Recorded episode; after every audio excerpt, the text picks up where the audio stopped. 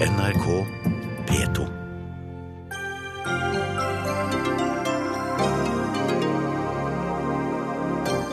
PST vil overvåke vanlige folks internettbruk, men får tommelen ned fra et samlet storting. Hvordan skal da PST beskytte oss, spør vi. Språket Fremskrittspartiet bruker skaper ekstremisme, mener islamforsker. Vås fra ende til annen, svarer Frp.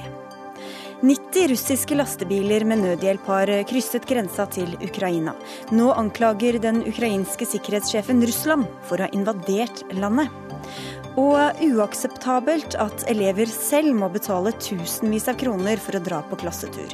På tide at politikerne rydder opp, sier Elevorganisasjonen.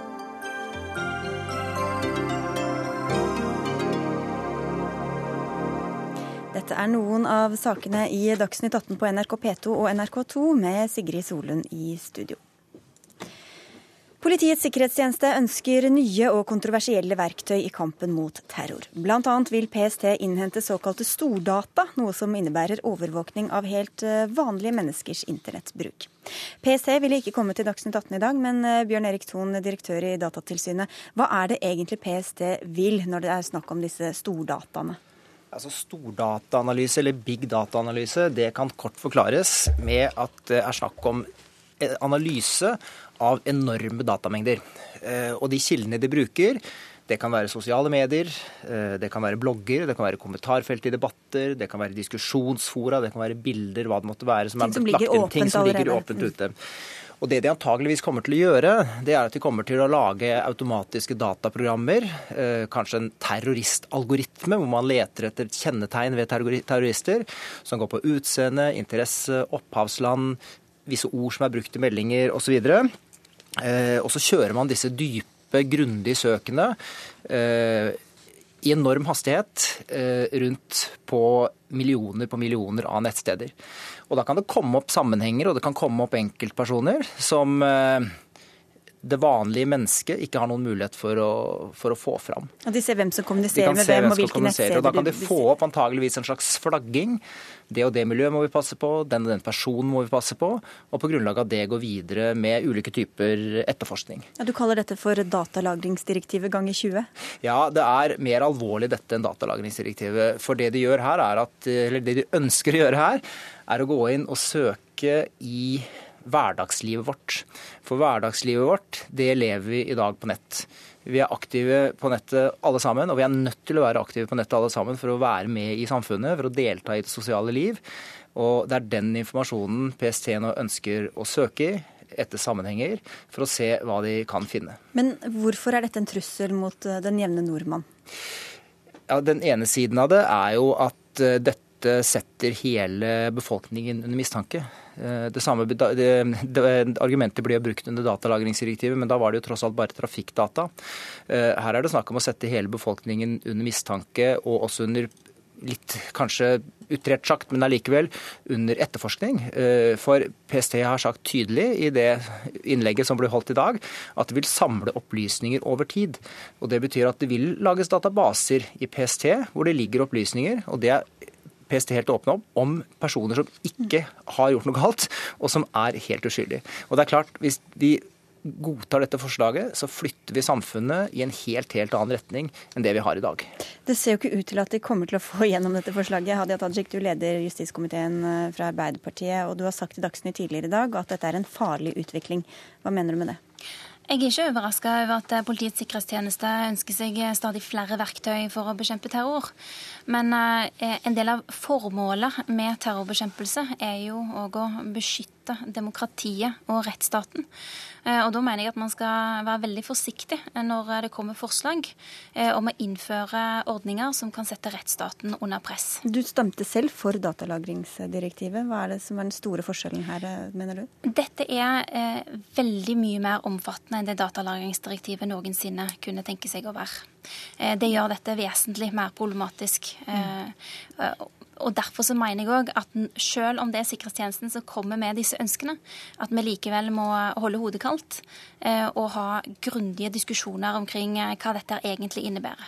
Nikolai Astrup, på vegne av et av regjeringspartiene Høyre, så var du raskt ute i dag og stemplet forslaget som helt uaktuelt. Betyr det at det bare kan legges dødt først som sist? Ja, vi kommer ikke til å gå inn for dette. Eh, og jeg mener at eh, av de årsaker som her blir nevnt, at det er viktig at vi sier klart ifra om at eh, den type virkemidler ikke er, ikke er aktuelle å benytte. Og det er klart, Forskjellen på dette og datalagringsdirektivet er veldig stor.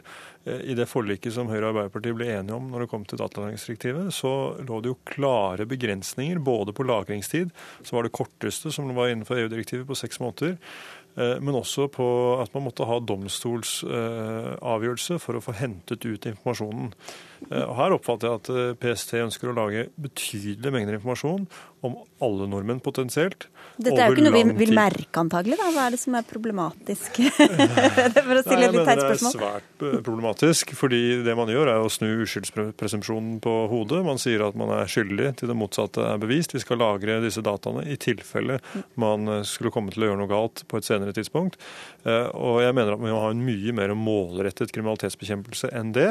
det er klart, og det er veldig vanskelig for PST å håndtere den type informasjon på en måte som gjør at den er nyttig for dem. Altså, det, det, brukes ofte det argumentet at den som ikke har noe, har skjule, har heller, heller, ingenting å frykte. Men jeg syns vi skal stille oss spørsmålet altså, er det riktig at noen skal få sitte med så mye informasjon om norske borgere, og at det er det hemmelige politiet?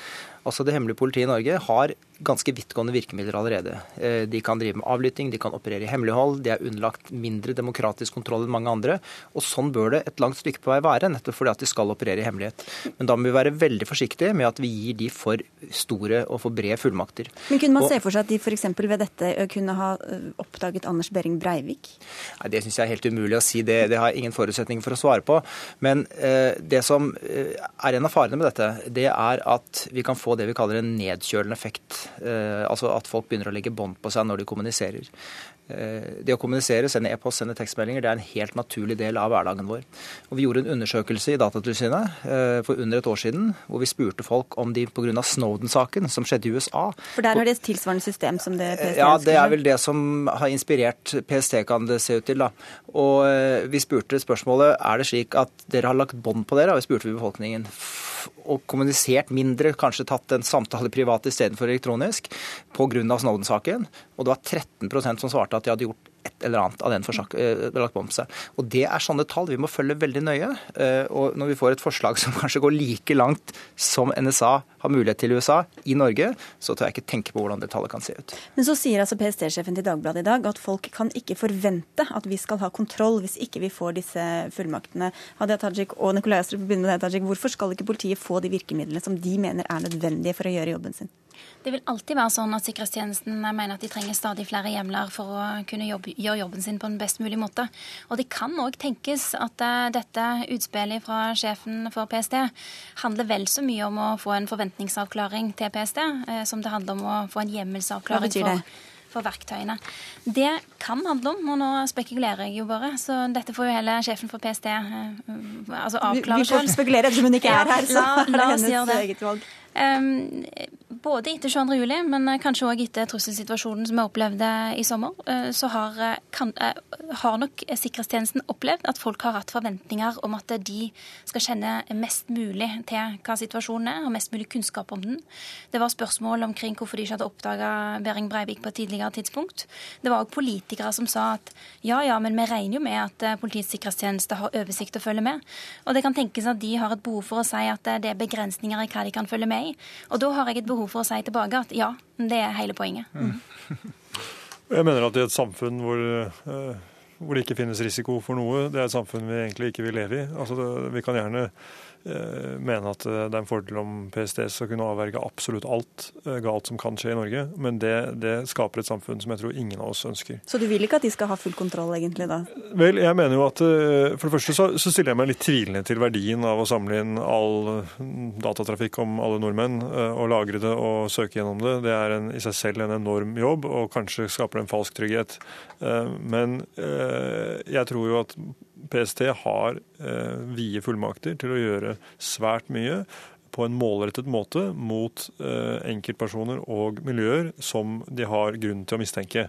Og Det er nok en mer målrettet måte å jobbe på enn det denne metoden her vil være. Så, så jeg, jeg, er ikke så veldig bekymret. Men de ber også om å få mer innsyn i hemmeligstempla informasjon altså hos, fra mm. helsevesen, skolevesen osv. Hvordan stiller du deg til det? Jeg tenker jo at det er veldig viktig at det ikke er PST selv som skal få definere om de skal få ut den type informasjon eller ikke. Her må det en tredjepart inn i bildet for å kunne si at PST faktisk har, har grunn til uh, å kunne bryte taushetsplikten og, og, få hentet, hentet, ut informasjon. Og Det kan det være gode grunner til, men det forutsetter at man har en konkret mistanke. At det ikke er PST som, som tenker at det er greit å ha den informasjonen. Uh, man må også ha bruk liksom. for den. Ja, det, det, er jeg helt enig i, men det er jo dessverre det som ligger i forslaget som kom i dag. At de vil ha en tilsvarende regel i Dan som i Danmark, hvor det er PST som kan, kan bestemme. Uh, og Vi kan jo da begynne å stille spørsmål hva gjør det med tilliten mellom pasient og lege, mellom pasient og helseforetak, mellom uh, barnevernsbarn og uh, barnevernsmyndigheter. Det vil jo være helt ødeleggende. Så, så, her må det bygges inn rettssikkerhetsgarantier, og de må også kunne komme og si sin mening om dette. Det, vi må avslutte med bare helt kort fra dere begge to på hver sin fløy her. Altså, er det noe noe av det som PST har kommet med i dag, hvor dere kan komme dem i møte, som er aktuelt?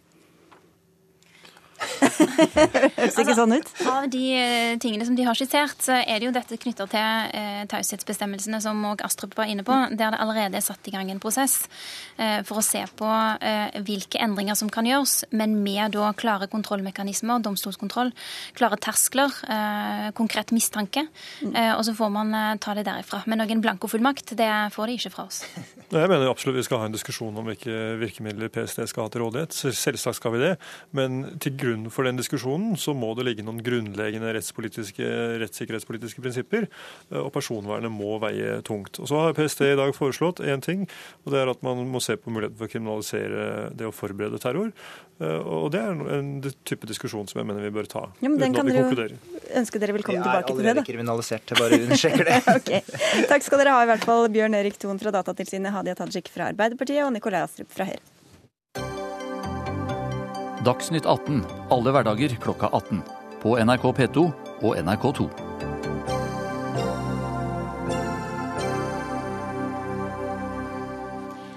Hvordan muslimer blir omtalt i offentligheten kan påvirke andre folks syn på dem, og Fremskrittspartiets retorikk bidrar til å skape flere ekstremistiske muslimer. Det sier flere forskere til eh, avisa Vårt Land i dag. En av dem er deg, Nora S. Eggen. Du er universitetslektor ved Universitetet i Oslo og islamforsker. Hva mener du er problemet med hvordan muslimer blir omtalt i norsk eh, offentlighet? Ja, jeg er ikke først og fremst opptatt av å fordele skyld og ansvar her, men jeg er opptatt av at vi trenger å reflektere litt over vår språkbruk. Fordi den måten vi bruker språket på til å beskrive virkeligheten, det kan da i sin tur skape ny virkelighet. Og det språket som vi bruker til å snakke om islam og muslimer, det er et ideologisk språk, ikke et kunnskapsspråk. Hvordan da? Hvilke eksempler? Det er et språk som har lite rom for nyanser, hvor islam og muslimer eh, fremstilles som eh, monolittiske størrelser. hvor eh, og det er veldig mange som er deltakere i å skape dette språket. altså Også uh, situasjoner som egentlig skal være kunnskapsfremmende, som skolebøker f.eks., hvor, uh, hvor det da står 'islam er' eller 'muslimer gjør'. Et sånt essensialiserende språk. da. Dette språket det gjør jo da muslimbolken, eller muslimboksen, nokså trang. Og i sin tur så kan det legge til rette for en polemisert debatt. Så Hvordan blir skal vi si, den jevne muslim da, framstilt i mediene, enten det er gjennom via, via skoleverket eller politikere eller journalister eller andre?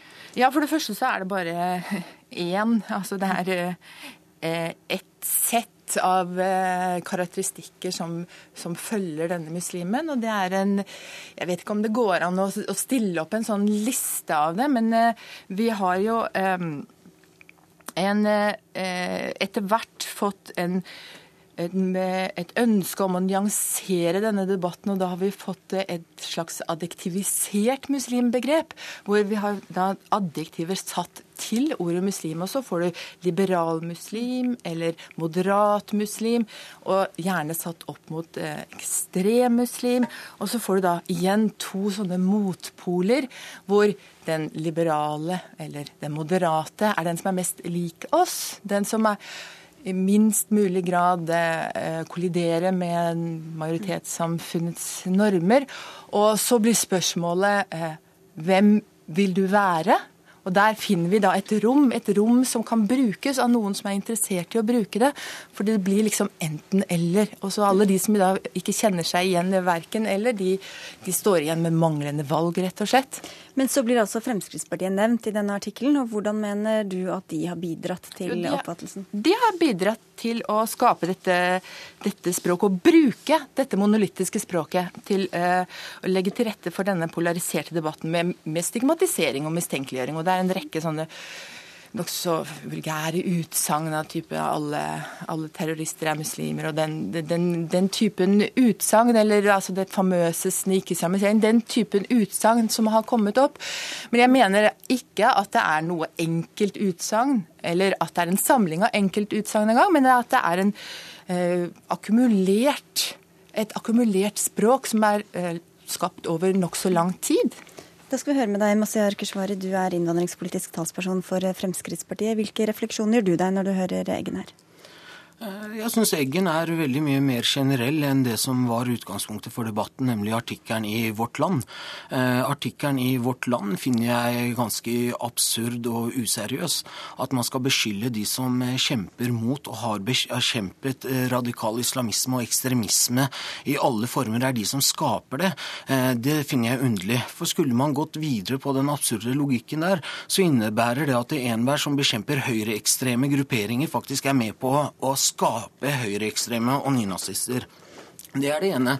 Eh, det andre er jo også at det finnes ingen forskning ingen empiri, ingen rapporter, altså ingen fakta som kan, som kan underbygge den påstanden om at Fremskrittspartiet har bidratt til radikal islamisering i Norge.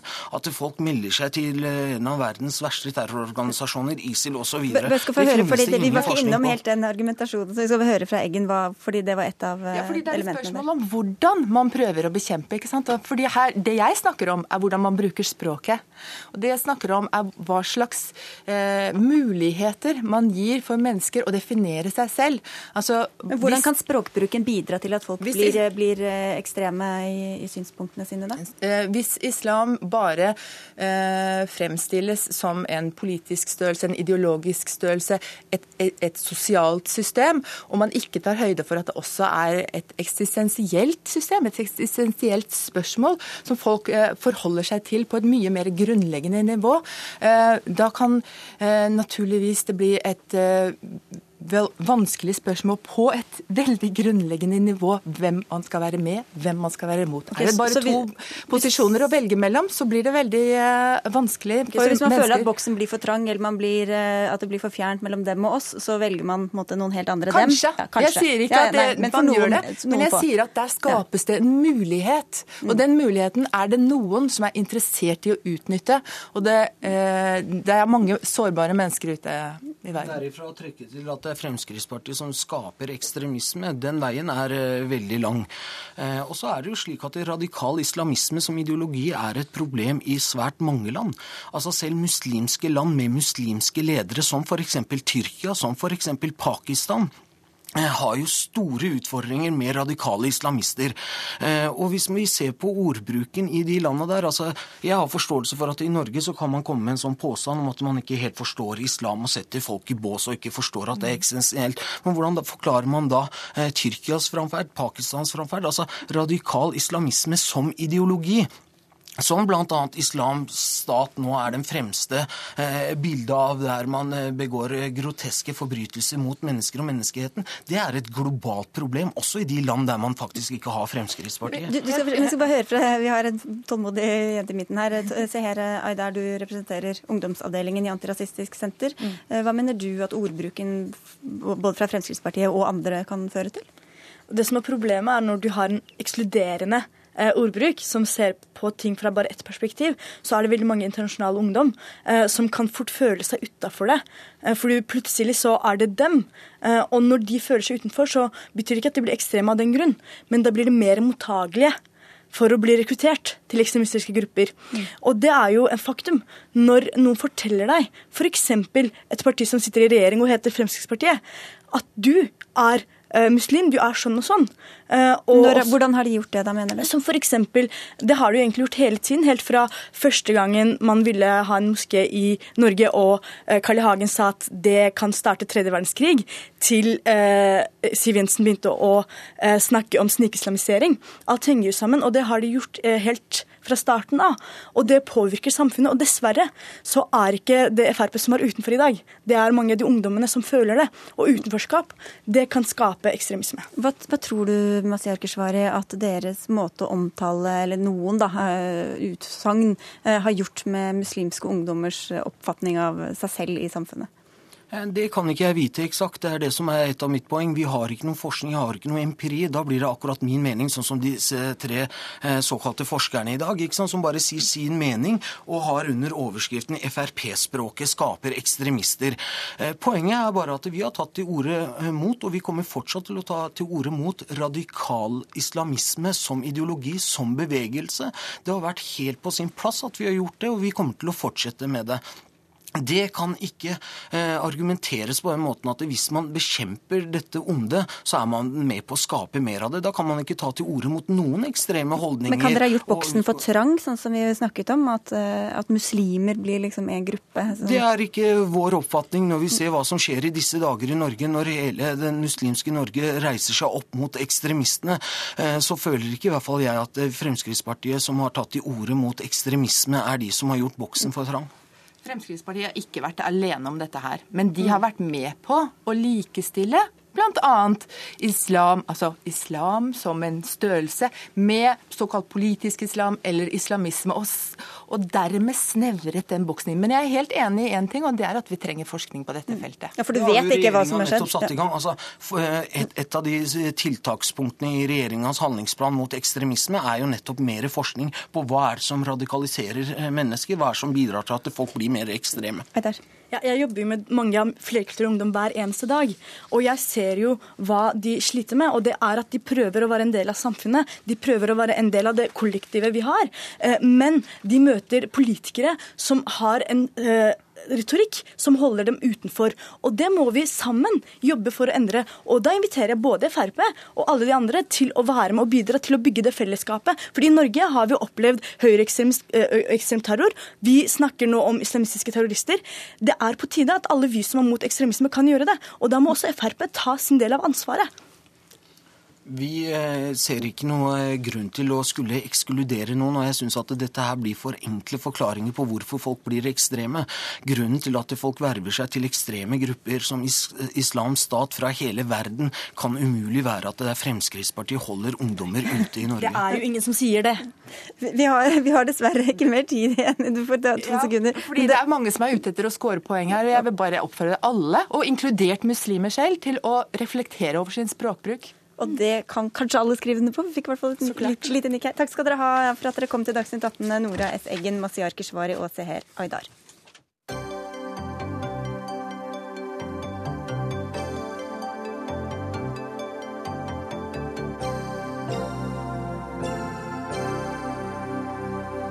De blå partiene skyver alenemødre og andre foran seg for å endre reglene i arbeidslivet, ifølge en kronikk på NRK Ytring. Regjeringas forslag til endringer i arbeidsmiljøloven har skapt mye furore i sommer.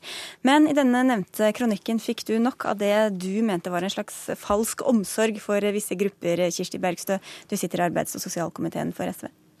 Ja, og det er jo fordi det å skyve svake grupper foran seg eh, for å ødelegge det arbeidslivet som vi er avhengig av eh, at folk har beskyttelse i, det blir bare usmakelig, og det blir å sette ting helt på hodet. Det regjeringa foreslår, og som Venstre har signalisert at de støtter, det er å ha et arbeidsliv med lengre arbeidsdager, med mer helgearbeid eh, og med færre som har fast ansettelse. Og Det er et arbeidsliv der vanlige folk har mye mindre makt, og der sjefen har mer. Ja, for Du skriver at du er alenemor selv, og at du misliker at folk i din situasjon De har også nevnt uh, ungdommer, innvandrere, uh, fysisk uh, handikap osv. At de dras inn i argumentasjonen. Hvorfor gjør du det? Altså, alle med omsorgsansvar eh, vet at man er helt avhengig av forutsigbarhet. Man er avhengig av å vite når arbeidsdagen begynner og når den slutter, ikke minst. Og det er fordi man skal hente i barnehage, og man skal eh, forholde seg til dem som passer ungene dine når du er på jobb. I tillegg så er det jo sånn at hvis du ikke har fast jobb, så mister du jo hele nøkkelen til huslån, f.eks. Så det å ha et løsarbeidersamfunn eh, der sjefen bestemmer når du skal stille opp på jobb, og der du må lystre det, det er gammeldags, og det var en tid jeg håpa vi var forbi. Sveinung Rotevatn, stortingsrepresentant for Venstre, sitter i samme komité. Dere har også ivret altså for å endre reglene i eh, arbeidslivet. Hva syns du om at Bergstø syns at eh, deres endringer gjør det vanskeligere for folk i hennes situasjon? At eh, SV og, og de rød-grønne er imot enhver endring i arbeidsmiljøloven, det har vi skjønt etter en del år. Det var bl.a. derfor vi gikk til valg på å bytte dem ut. og Det var derfor et flertall av folket støtta de partiene ved valg som ønsker å endre arbeidsmiljøloven. Men du sier at dere skyver svake grupper foran dere? Jeg syns det virker som om representantene fra venstresida ikke er i stand til å forstå at borgerlige partier faktisk kan vise omsorg for svake grupper og bry seg om dem.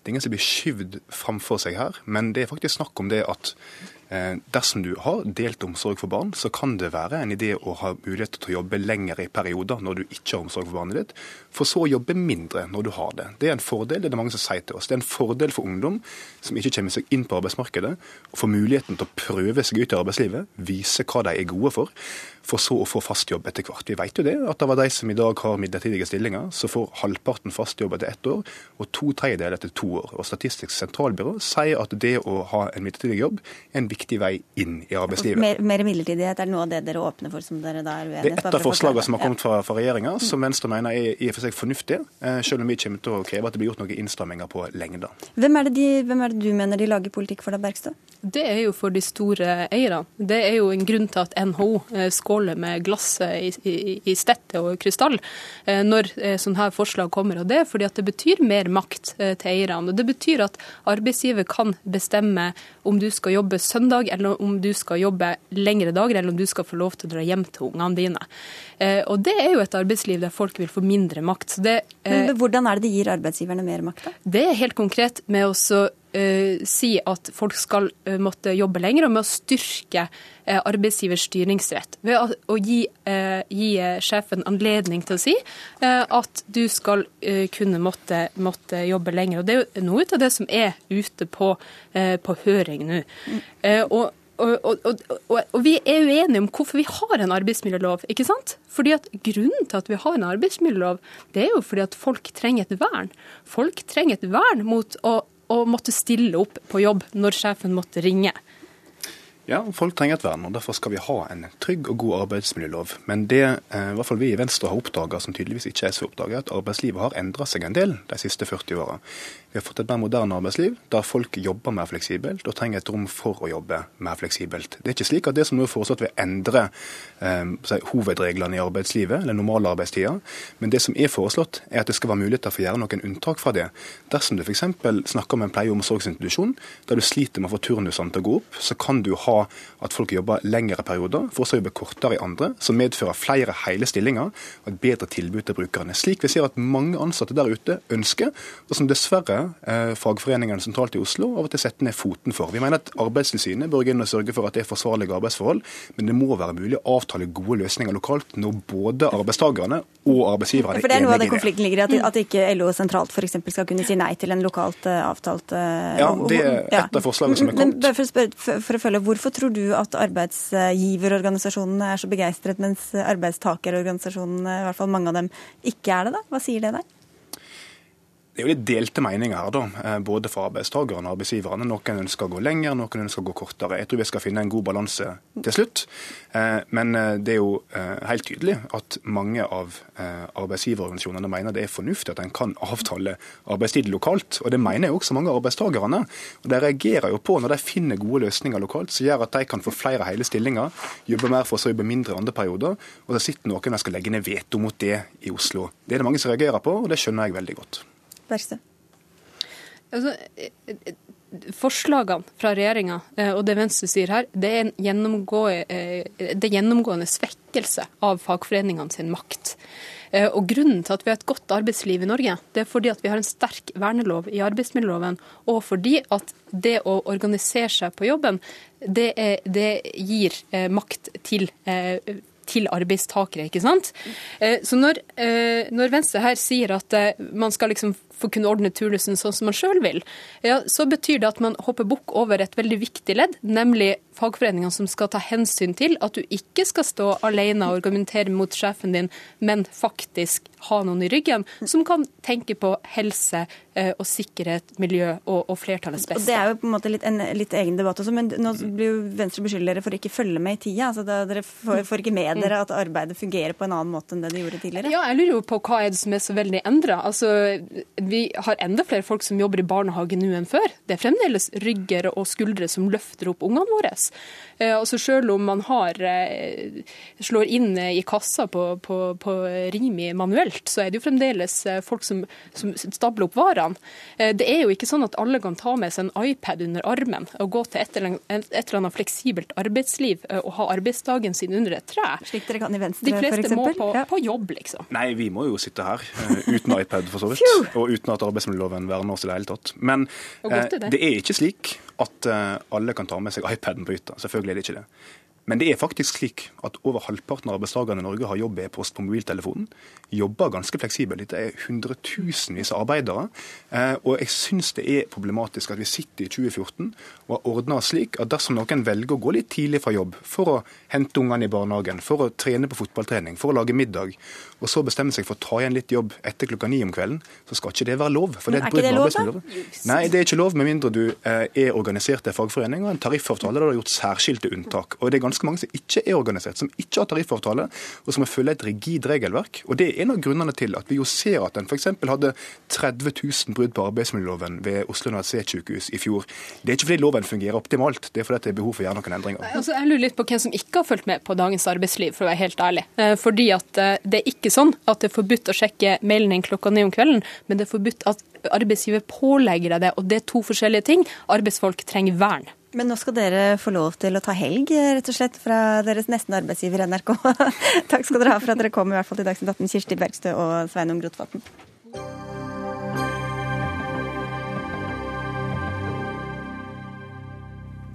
Fortvilte mennesker som må stue seg sammen i kjellere, nesten tomme butikkjeller og ifølge FN 400 000 på flukt. Det er virkeligheten i Ukraina pga. kampene øst i landet, og nå er forholdet mellom Russland og Ukraina ytterligere forverret etter at 90 russiske lastebiler med nødhjelp krysset den ukrainske grensen, noe Ukrainas nasjonale sikkerhetssjef kaller en direkte russisk invasjon. Og Morten Jentoft, påtroppende Moskva-korrespondent, hva er situasjonen akkurat nå? Ja, eh, De siste meldingene som jeg leste på ukrainske medier rett før jeg kom i studio, her forteller at 20 av disse lastebilene faktisk nå da har kommet fram til byen Luhansk, som jo er hovedstaden i dette dette Luhansk-fylket, oblasten som ligger lengst øst i Ukraina, nesten som en kile inn i, i Russland. Eh, det skal da være 90 eh, kjøretøyer som har passert grensen. Denne svære hjelpekolonnen består jo av nesten, jo av nesten 300 eh, lastebiler. Og eh, 20 av dem er altså kommet inn. Eh, det har vært problemer, de måtte ta en del omveier pga. at det pågår jo kamper i området. Det var jo grunnen til at Røde Kors ikke ville være med.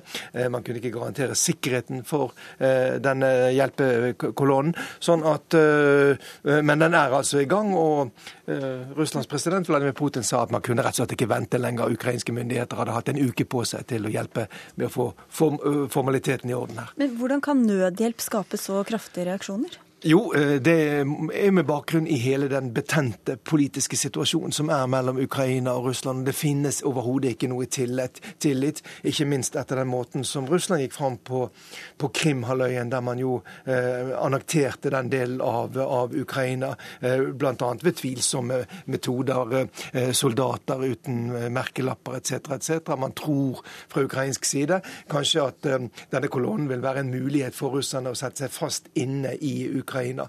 Samtidig så er det jo klart at det er pinlig for ukrainske myndigheter at de ikke klarer å hjelpe sin egen befolkning, og at de direkte driver og bomber sin egen befolkning også. Og Det jo, eh, gjør, skaper jo motsetninger i dette området her som er, er veldig veldig, veldig sterke. Men, men, først og fremst mangler det helt tillit. Men, men, vi vet at det faktisk er nødhjelp som er om bord? Jeg tror nok at dette først og fremst er nødhjelp, selv om disse lastebilene nok er militære lastebiler som er blitt uh, malt hvite. Uh, og sannsynligvis så er også mange av sjåførene sin bakgrunn i det. I det militære. Og at man har politiske hensikter med en sånn hjelp, det eh, tror jeg nok også. Men samtidig eh, så er det jo eh, ikke tvil om at jeg tror at innholdet her da først og fremst er nødhjelp til en befolkning som virkelig har behov for det også. Ja, det er det vi skal snakke litt om nå. Anne Tusvik Bonde, du er regionalt ansvarlig for Øst-Europa i Human Rights House Network. Du er jevnlig i Ukraina og har kontakt med kolleger der. Hva sier de? Nei, Det de sier, Jeg var da sist nå i juni, men jeg snakker med folk nå, så sier de at eh, det er jo flere og flere som kommer, som er på flukt. Og at eh, mens flyktningstrømmen, altså i Kharkov, som er i øst, en av byene hvor folk kommer til, så har det vært ca. 40 om dagen. Så sier de at i går kom det 470 eh, internt fordrevne på én dag. Så det sier litt om hvor mange som faktisk flykter. Nå vet vi at mange har flyktet også til Russland, så det er ca. halvparten av disse 400 000 som har flyktet dit. Eh, men det sier jo litt om situasjonen og hvor ille det er.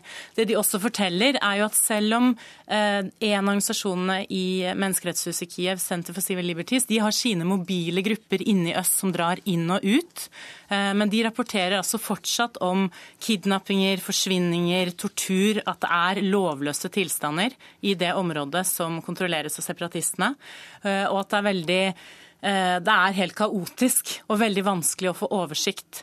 Eh, men de sier også at det er kidnappinger fra ukrainsk side, og det har også FN kritisert eh, Ukraina for. Og det som de er bekymret for, er altså at Ukraina har vedtatt nye lover som gjør det lettere for politiet og myndighetene å holde folk de kaller terrorister, i 30 dager uten lov og dom. Og Det som er vanskelig med å være menneskerettighetsforkjemper i Ukraina i dag, er at hvis du kritiserer dine egne myndigheter, så blir du sett på som antipatriotisk. Mm. Så det å faktisk prøve å si at dere må opprettholde de internasjonale standardene, det er veldig vanskelig. Så, så hva, Hvor ligger konfliktlinjene da i, i Ukraina nå? Hvem hvis du kan si noe om det? Altså Konfliktlinjene ligger jo med at du på den ene siden så er man selvfølgelig veldig bekymret for den krigen som pågår, og fortvilet over situasjonen for de internt fordrevne. Eh, man sier også at det er veldig mye frivillig arbeid, at myndighetene ikke har nok kapasitet til å ta seg av de internt fordrevne som kommer. Eh, men samtidig så prøver man også å sørge for at ukrainske myndigheter gjør det de skal i forhold til sin egen befolkning, sånn at man ikke får en lovløshet på begge sider. Og du er selvfølgelig bekymra for menneskerettighetene i Ukraina. Hva kan Norge gjøre overfor landet, og også overfor Russland? Nei, Norge må jo stille krav til både altså til Ukraina om at de vedtar lover som er i tråd med demokratiske prinsipper. Så det må man være veldig klare på. I tillegg så må man jo fortsette å legge press på Russland, fordi at det er klart at eh, russerne har innflytelse. og må få beskjed om å gjøre det de kan for at nettopp eh, de som har gjort straffbare handlinger, blir stilt til ansvar for det de har gjort, og at man får slutt på kidnappingene og torturen som foregår. Hva kan være en mulig politisk eh, videreutvikling i dette i regionen Jentoft? Ja, Vi går mot uh, veldig spennende dager akkurat nå. Uh, det skal jo være et toppmøte da i Minsk i Hviterussland uh, på tirsdag, der den ukrainske presidenten Pjotr Pedosjenko skal møte Russlands Vladimir Vladimir Putin, etter planen. da. Jeg tror ikke akkurat det som har skjedd i dag hjelper så særlig bra mye på forhandlingsklimaet. Nå er det oppstått en ny krise med denne kolonnen. Det var tendenser til at kanskje man kunne få til noen avspenning foran det møtet. Det som har skjedd i dag er nok et tilbakeslag i de bestrebelsene. Men det skjer ting. Det er direkte kontakt mellom presidentadministrasjonene i Kiev og Moskva. Det er selvfølgelig positivt. Men samtidig så prøver jo partene på bakken eh, å posisjonere seg. Fra ukrainske myndigheter er det veldig viktig å ta kontroll over en av disse byene, altså Luhansk og Donetsk, de to store byene i øst. Eh, det innebærer jo en bykrig, det innebærer bombing, det innebærer lidelser for veldig veldig mange sivile. Men eh, symbolsk er det nok veldig viktig for dem. Det ser jo ikke ut som de klarer det foran da, dette toppmøtet. Eh, så foreløpig så er det våpenet som rår på bakken her. Avgjørende dager fremover. Altså. Takk skal dere ha for at dere kom, Ane Tussig Bonde fra Human Rights House Network og Morten Jentoft fra NRK. Hør Dagsnytt 18 når du vil. Radio NRK.no. Reaksjonene blant mange muslimer i Norge har vært sterke etter at den norske islamisten Abaidullah Hussain forsvarte terrorgruppen IS. Ifølge PST er ekstreme islamistiske miljøer i vekst, noe de sier de er veldig bekymret over. Men Oslo-skolene gjør ikke nok for å bekjempe ekstrem islamisme, mener du Abdullah Al-Sabeg. Du er politiker for Arbeiderpartiet i Oslo, og hva tenker du på da? Jeg gikk på Holmlia skole etter Benjamin-drapet, og jeg husker mobiliseringa fra skolens side, nærmiljøet enten det er biblioteket, frivilligheten lokalt, mot ekstremisme. Det ble ført dialog mellom skolen og elevene. Dialog som førte til resultater. Og det samme, det samme ønsker jeg nå, og jeg savner den innsatsen, den mobiliseringa fra eh, lokalmiljøet mot ekstremisme i eh, Oslo, og mener at byrådet, som eh, Består, som består av Høyre i dag, bl.a. ikke gjør nok. Hva er det du burde gjort, da? Nei, Det de burde ha gjort, er å bl.a. styrke innsatsen i skolen retta mot alle de som er i en faresone, alle de som er på vei inn til ekstreme miljøer. Men det handler også om å nå bredt invitere F.eks. det som skjedde på Holmlia skole i 2001, var å invitere Antirasistisk Senter, forskere, andre til skolen for å snakke om ekstremisme, snakke om nynazisme. Og det kunne vi i mye større grad ha gjort i dag, i tillegg til å bruke bibliotekene, frivilligheten, i kampen mot ekstremisme. Anniken Hauglie fra Høyre, du er skolebyråd i Oslo. Hva sier du til denne kritikken? Nei, først vil jeg si at Dette er et utrolig viktig tema som det er viktig at man også diskuterer. og Det ser man jo nå de siste tidene også nødvendigheten av. Men jeg vil nok også si at det har heldigvis skjedd veldig mye siden Alsa Begg gikk på skolen, også i Oslo-skolen. For å nevne noen eksempler. Vi jobber veldig mye i Oslo med det som vi kaller SaLTO, altså Sammen lager vi et trygt Oslo, som er et lovpålagt samarbeids samarbeid mellom Oslo-politiet og kommunen. Dagen etter Altså Begg kritiserte kommunen, så fikk jo kommunen regjeringens kriminalitetsforebyggende pris for det arbeidet man gjør med å redusere kriminaliteten blant ungdom. Det er redusert betydelig siden 2006. I tillegg, når det gjelder på skolesiden, så vil jeg jo si at jeg er helt enig i at noe av det viktigste vi kan gjøre, er jo å styrke skolen og slutte opp om det arbeidet skolen gjør. Oslo-skolen har har en egen handlingsplan for å forebygge mobbing, krenkelser, også ekstremisme. Og her har man også en egen veileder. Det jobbes mye med inkluderende miljø. For det er det dette handler om.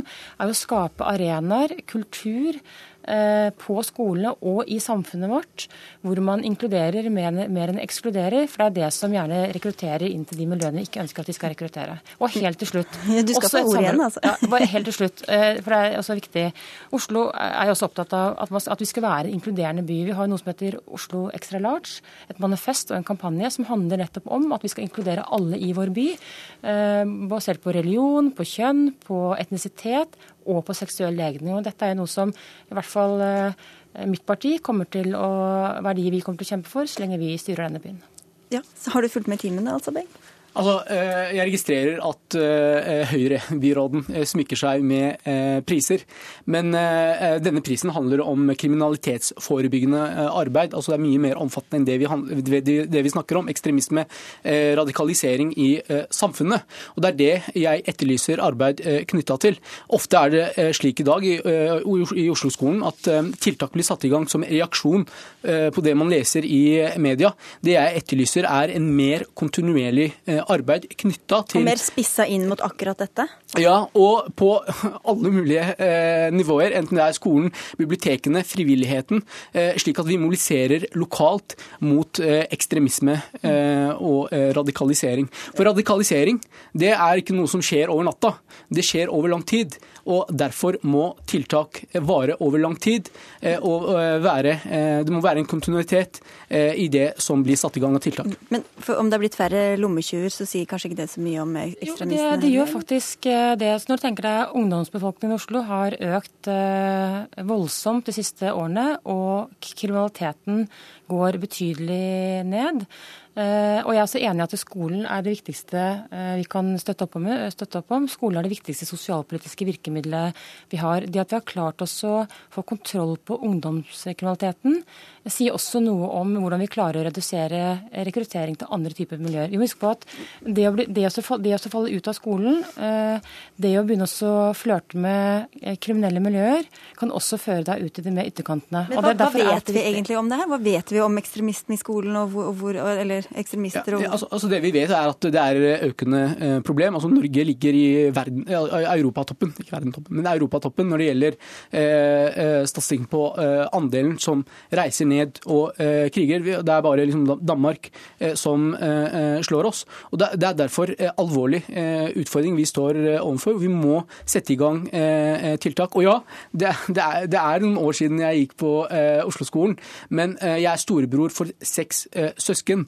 Eh, som eh, forteller meg eh, at det er null tiltak, null dialog om ekstremisme, radikalisering i Oslo-skolen, og det bekymrer meg. Men jeg, jeg, mener at det, altså Noe av det viktigste arbeidet vi kan gjøre, er det daglige forebyggende arbeidet blant barn og unge. Så det er ikke det å snakke om ekstremisme, egentlig? Jo, man kan, som... jo, man kan gjerne snakke om ekstremisme også, men, men det aller viktigste man gjør, er jo, er jo forebygge eh, utenforskap, forebygge mobbing, forebygge Eh, krenkelser og rasisme i eh, skolene og i samfunnet vårt. Fordi vi vet at eh, det som begynner i det små, kan ende opp i mye verre, i mye verre holdninger. Så det er det daglige forebyggende arbeidet som er så utrolig viktig. At man har god dialog, at man, at man er opptatt av å skape et inkluderende arbeidsmiljø, læringsmiljø på skolene, men også ute i samfunnet vårt. Vi snakker ikke om å smykke oss med priser når jeg sier at, vi fikk denne, at Oslo kommune fikk den prisen.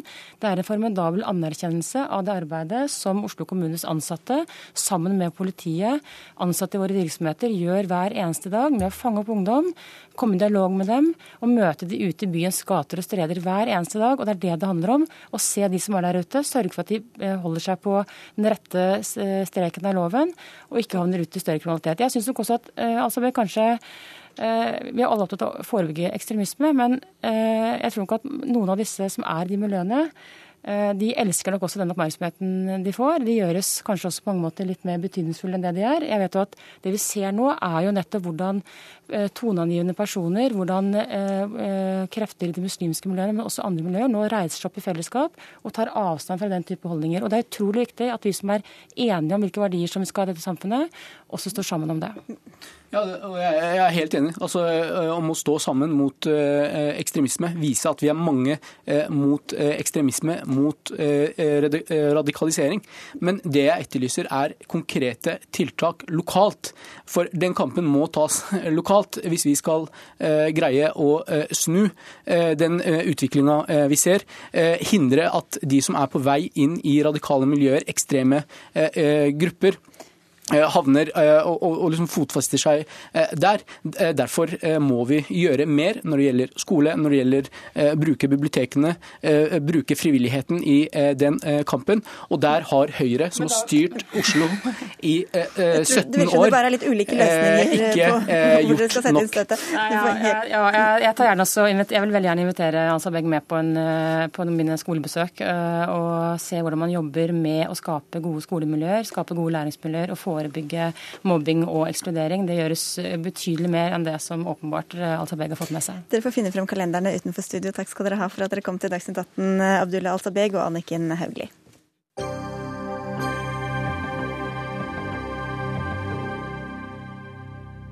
Men vi er ikke helt eh, ferdig med skolesystemet. eh, Fordi eh, etter at en 15 år gammel jente fra Alta fortalte at hun ikke fikk være med på klassetur til London fordi hun ikke klarte å samle inn flere tusen kroner, har diskusjonen gått. Skal elever måtte betale tusenvis av kroner for å være med på klassetur? Skolene har ikke lov til å legge opp til selv å organisere slike turer, men det er fritt fram for elever og foreldre å ta initiativ til klassetur, hvor elevene da må betale hvis de skal være med. Og Marianne Aasen, du representerer Arbeiderpartiet. Dere har kalt dette både uakseptabelt og lovstridig. Hvorfor det? Ja, for Det er gratis grunnskole i Norge. Eh, Og det er sånn at eh, den undervisningen som foregår, og turer, ekskursjoner som er relatert til det, det skal være gratis for alle. Og så er det mulig å gjøre ting som koster penger, men da skal pengene samles inn på en annen måte enn egenandel. Da skal det være dugnadsaktiviteter. Det er også lov å gi gaver, f.eks. Hvis noen ønsker det i stedet for at klassen kommer på tur. Men det er ikke lov å si at hver og en skal betale så og så mye.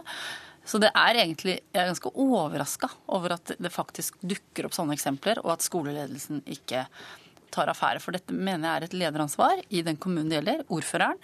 Og det er et ansvar hos rektor som tillater at dette skjer. Henrik Asheim eh, fra Høyre, hva syns du om en sånn praksis?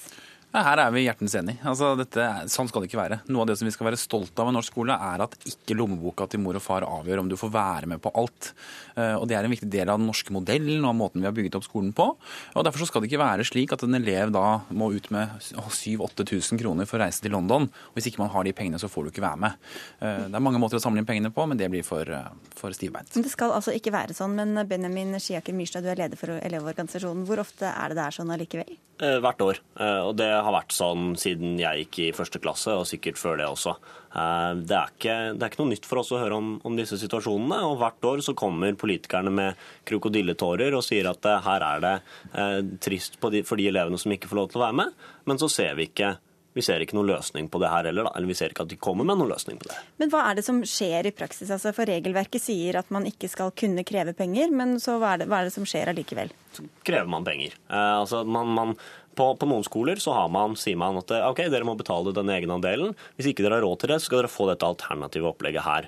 Som er Eh, dugnad, f.eks.? nei, jeg, jeg tenker altså Ofte så delfinansierer man en klassetur med en dugnad, og så har man ikke nok. Dugnaden eh, rekker ikke til. Det er grenser for hvor mye dopapir Ja. folk vil kjøpe. Det er sant. Og så må man da betale en egenandel. Og, og det ser vi hvert eneste år. Og, og ja, vi, vi har ikke sett en løsning fra politikernes side, da.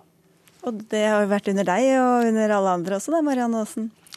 Jeg mener at, eh, at det, hvis man ikke klarer å skaffe penger eh, på dugnad eller ved gaver, eller hva det er for noe som man får til, så kan man ikke reise. Da man for, lager man for dyre turer, og da må man kunne lage undervisningsopplegg med, som er faglig utfordrende nok i Norge eller i nærområdet, uten at man tar den utenlandsturen. Og så er det et tilleggsmoment her, for her har de jo på en måte prøvd å gå rundt loven, da, eh, åpenbart, ved, ved at eh, at ledelsen på skolen bare skyver, drar seg unna og sier at dette er foreldrene som organiserer, elevene kan dra, dette skjer i deres regi. Og Da lurer jeg på hvordan, hvorfor de får fri. Hvis ikke det er en del av skole, at om det er obligatorisk eller om det er frivillig å være med. Hvorfor får de fri til å reise? Det vil jo være som om en, en klasse på egen hånd bare fant ut at vi har lyst til å bo en uke i telt i skogen. Vi vil ha et vårt eget naturfagopplegg. Vi drar uten læreren. Da må vi få fri.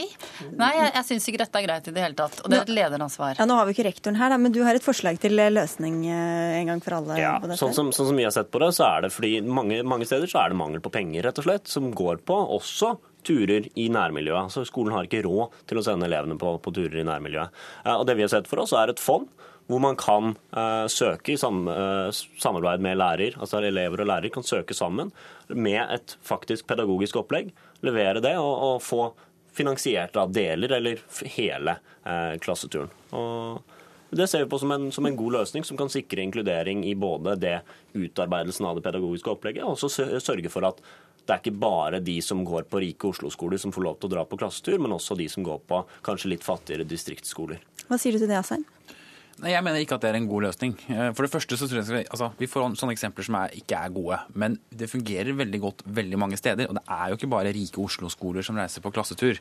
Det gjør man rundt om i landet, og man har dugnad, man planlegger flere år i forveien osv. Men, men jeg tror uansett at det å lage et sånn statlig fond er en dårlig løsning. For da vil jo da Utdanningsdirektoratet eksempel, få en pott penger av Marianne Aasen og meg, og så sier de at ja, da må du søke for å få pengene. Så vil jo noen kanskje få avslag på den søknaden. Så vil du ha akkurat de samme oppslagene. Hva er kriteriene for å få de pengene? ikke sant? Og da begynner man å legge egne føringer for hva slags turer man skal reise på. Igjen så er det på en måte en sånn altså Jeg tror, jeg tenkte på det før jeg skulle denne debatten. Skal jeg nå komme med liksom en ny pott med penger og noen statlige regler? Har du egentlig mulighet til det? Ja, nei, jeg har jo ikke det heller. Jeg har jo en statsråd over meg uansett. Men, men poenget er at jeg tror ikke det er løsningen på dette. Jeg tror det fungerer ganske godt. Det er ikke lov å bryte den regelen. Og så er jeg veldig redd for å lage en ny pott med nye regler og nye eh, byråkrater som skal fordele penger. Du får få en anledning til å overbevise Aasen også, Myrstad. Altså, vi, har et, eh, vi har et fond. Elevorganisasjonen har et fond, to millioner kroner hvert år. Eh, Det fungerer veldig godt. Det er ikke så mye byråkrati der. Vi har tre 19-åringer som eh, sitter og deler ut penger til 400 skoler i, i året. Får veldig god respons på det. Det er mange skoler som, som søker og får innvilget. Det er noen skoler som ikke får innvilget, men det er fordi de ikke har gode nok opplegg, rett og slett. De har ikke gjennomført de tingene godt nok. Og Det tror jeg man må, må legge til rette for. For det er bred politisk enighet om at klasseturer er et godt tiltak for å sikre mer variert undervisning.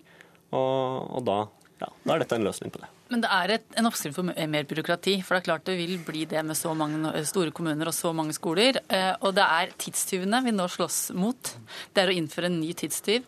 Og det er kommunenes ansvar. Det er kommunevalg neste år. Da står disse ordførerne og alle de andre som har makt i kommunene eh, opp til valg. Og da får man stemme på de som kan finne ordninger på dette. Og, Nei, men- eh, og, og så men så er det også noe annet som kan sies. at det er klart at Staten, også når vi satt med regjeringsansvar, kan, kunne gjort mer på dette. Vi kunne instruert fylkesmennene til å gå, inn, gå skolene etter sømmene. Og eh, Statsråd eh, Røe Isaksen har ikke villet kommentere denne saken nå, har jeg skjønt, de siste to dagene. Men jeg håper at han tar et sånt initiativ, sånn at vi får avklart lovligheten. Ja, Men, men altså, ok, Vi snakker mye om byråkrati, og nei, vi må ikke innføre flere tidstyver i, skolen. Dette er jo ikke en tidstyv. altså Det tar ikke så lang tid. Jeg tror det tar lengre tid å organisere dugnad og lage dette pedagogiske opplegget enn det tar å utarbeide en søknad sammen med eh, sammen med disse menneskene. Det er ikke noe mer byråkrati for læreren, det her. Eh, Og som politikere så har dere for lengst skjønt viktigheten av det å reise ut. Dere skal til New Zealand i september. Hvorfor skal skattebetalerne betale for at dere får dra til New Zealand, men ikke for at fremtidens realfagshelter skal få besøke det lokale vannkraftverket? Det er jo ikke helt, eh, helt rettferdig. Altså jeg tror for det første det at stortingsrepresentanter, også at Stortinget er ute og får erfaringer rundt om i verden, tror jeg er bra. Jeg tror det er veldig bra at klasser også gjør det. Men spørsmålet her er er det slik at ikke sant, fordi det ikke fungerer noen steder, vi har noen eksempler som ikke fungerer, er det da et mål at da må staten gå inn og ta ansvaret for dette, som i dag kommunene og fylkene har ansvaret for, eh, og så lage noen regler som er veldig strenge, som da man skal søke på og holde på med Det er Men, veldig men hvis du skal forholde deg til det han sier, det, er, det, er det så mye mer byråkrati eh, for at de skal få dra på tur, enn at dere skal få dra på tur? Ja, altså forskjellen, altså Poenget er at slik slik som dette fungerer i dag, og jeg mener nesten det er en egenverdi i det. Hvis en klasse sier om to år så vil vi reise på klassetur til Polen f.eks. Og så jobber de sammen for å samle inn de pengene, og så gjør de det på en skikkelig måte. Det er en viss forskjell på skolen og på landets eh, parlament, og det er altså slik at vi som politikere også har et ansvar for å gjøre oss kjent med eh, hvordan det fungerer andre steder. Ja. Nei, jeg, jeg, er, jeg er uenig, for vi får veldig mange henvendelser hvert eneste år. Vi ser ikke en bedring i antall henvendelser på elever som må betale egenandeler på det her. Og da er det på tide at, at noen politikere gjør et eller annet for å, for å få ordna det her. Men er det nødvendig at eh, åttendeklassinger skal dra på tur til eh, som koster liksom 8000 kroner, eh, Marianne Aasen? Nei, Man må jo gå gjennom det, om, man skal, om, om verdien av det eh, opp mot alternativet. Jeg vet jo om skoler som har slutta med den type turer. Fordi det er ikke forsvarlig tidsbruk. Eh, og det er heller ikke forsvarlig pengebruk. Det, så det blir opp til den enkelte rektor, den enkelte kommune. Jeg, vi, vi er veldig glade i i, i honnørord og taler rundt kommunalt selvstyre og hvor viktig det er nærhet til der hvor beslutningene fattes og der innbyggerne bor. Dette er et veldig godt eksempel.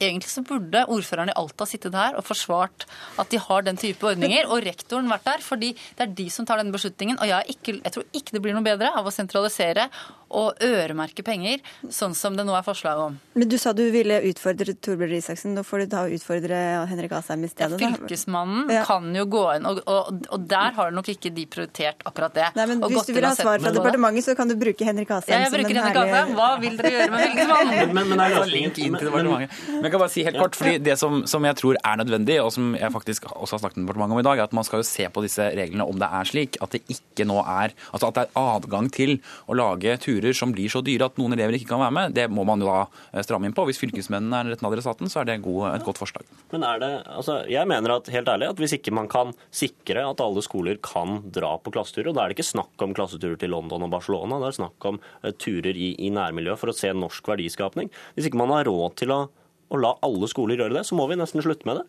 Vi kan ikke, det kan ikke basere Kommunens økonomi kan ikke ha så mye å si på hvordan undervisning du får. Hvordan kvaliteten på undervisningen din er. Og det tror jeg alle er enige om.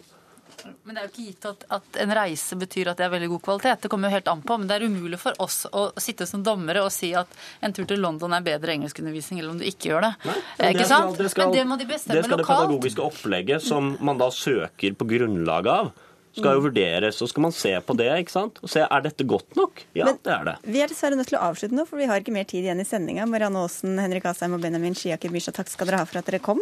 Ansvarlig for dagens sending var eh, Ida Tune Øresland, Oda Holm Gulbrandsen, Elisabeth Sellereite og Sigrid Solund, som ønsker god helg.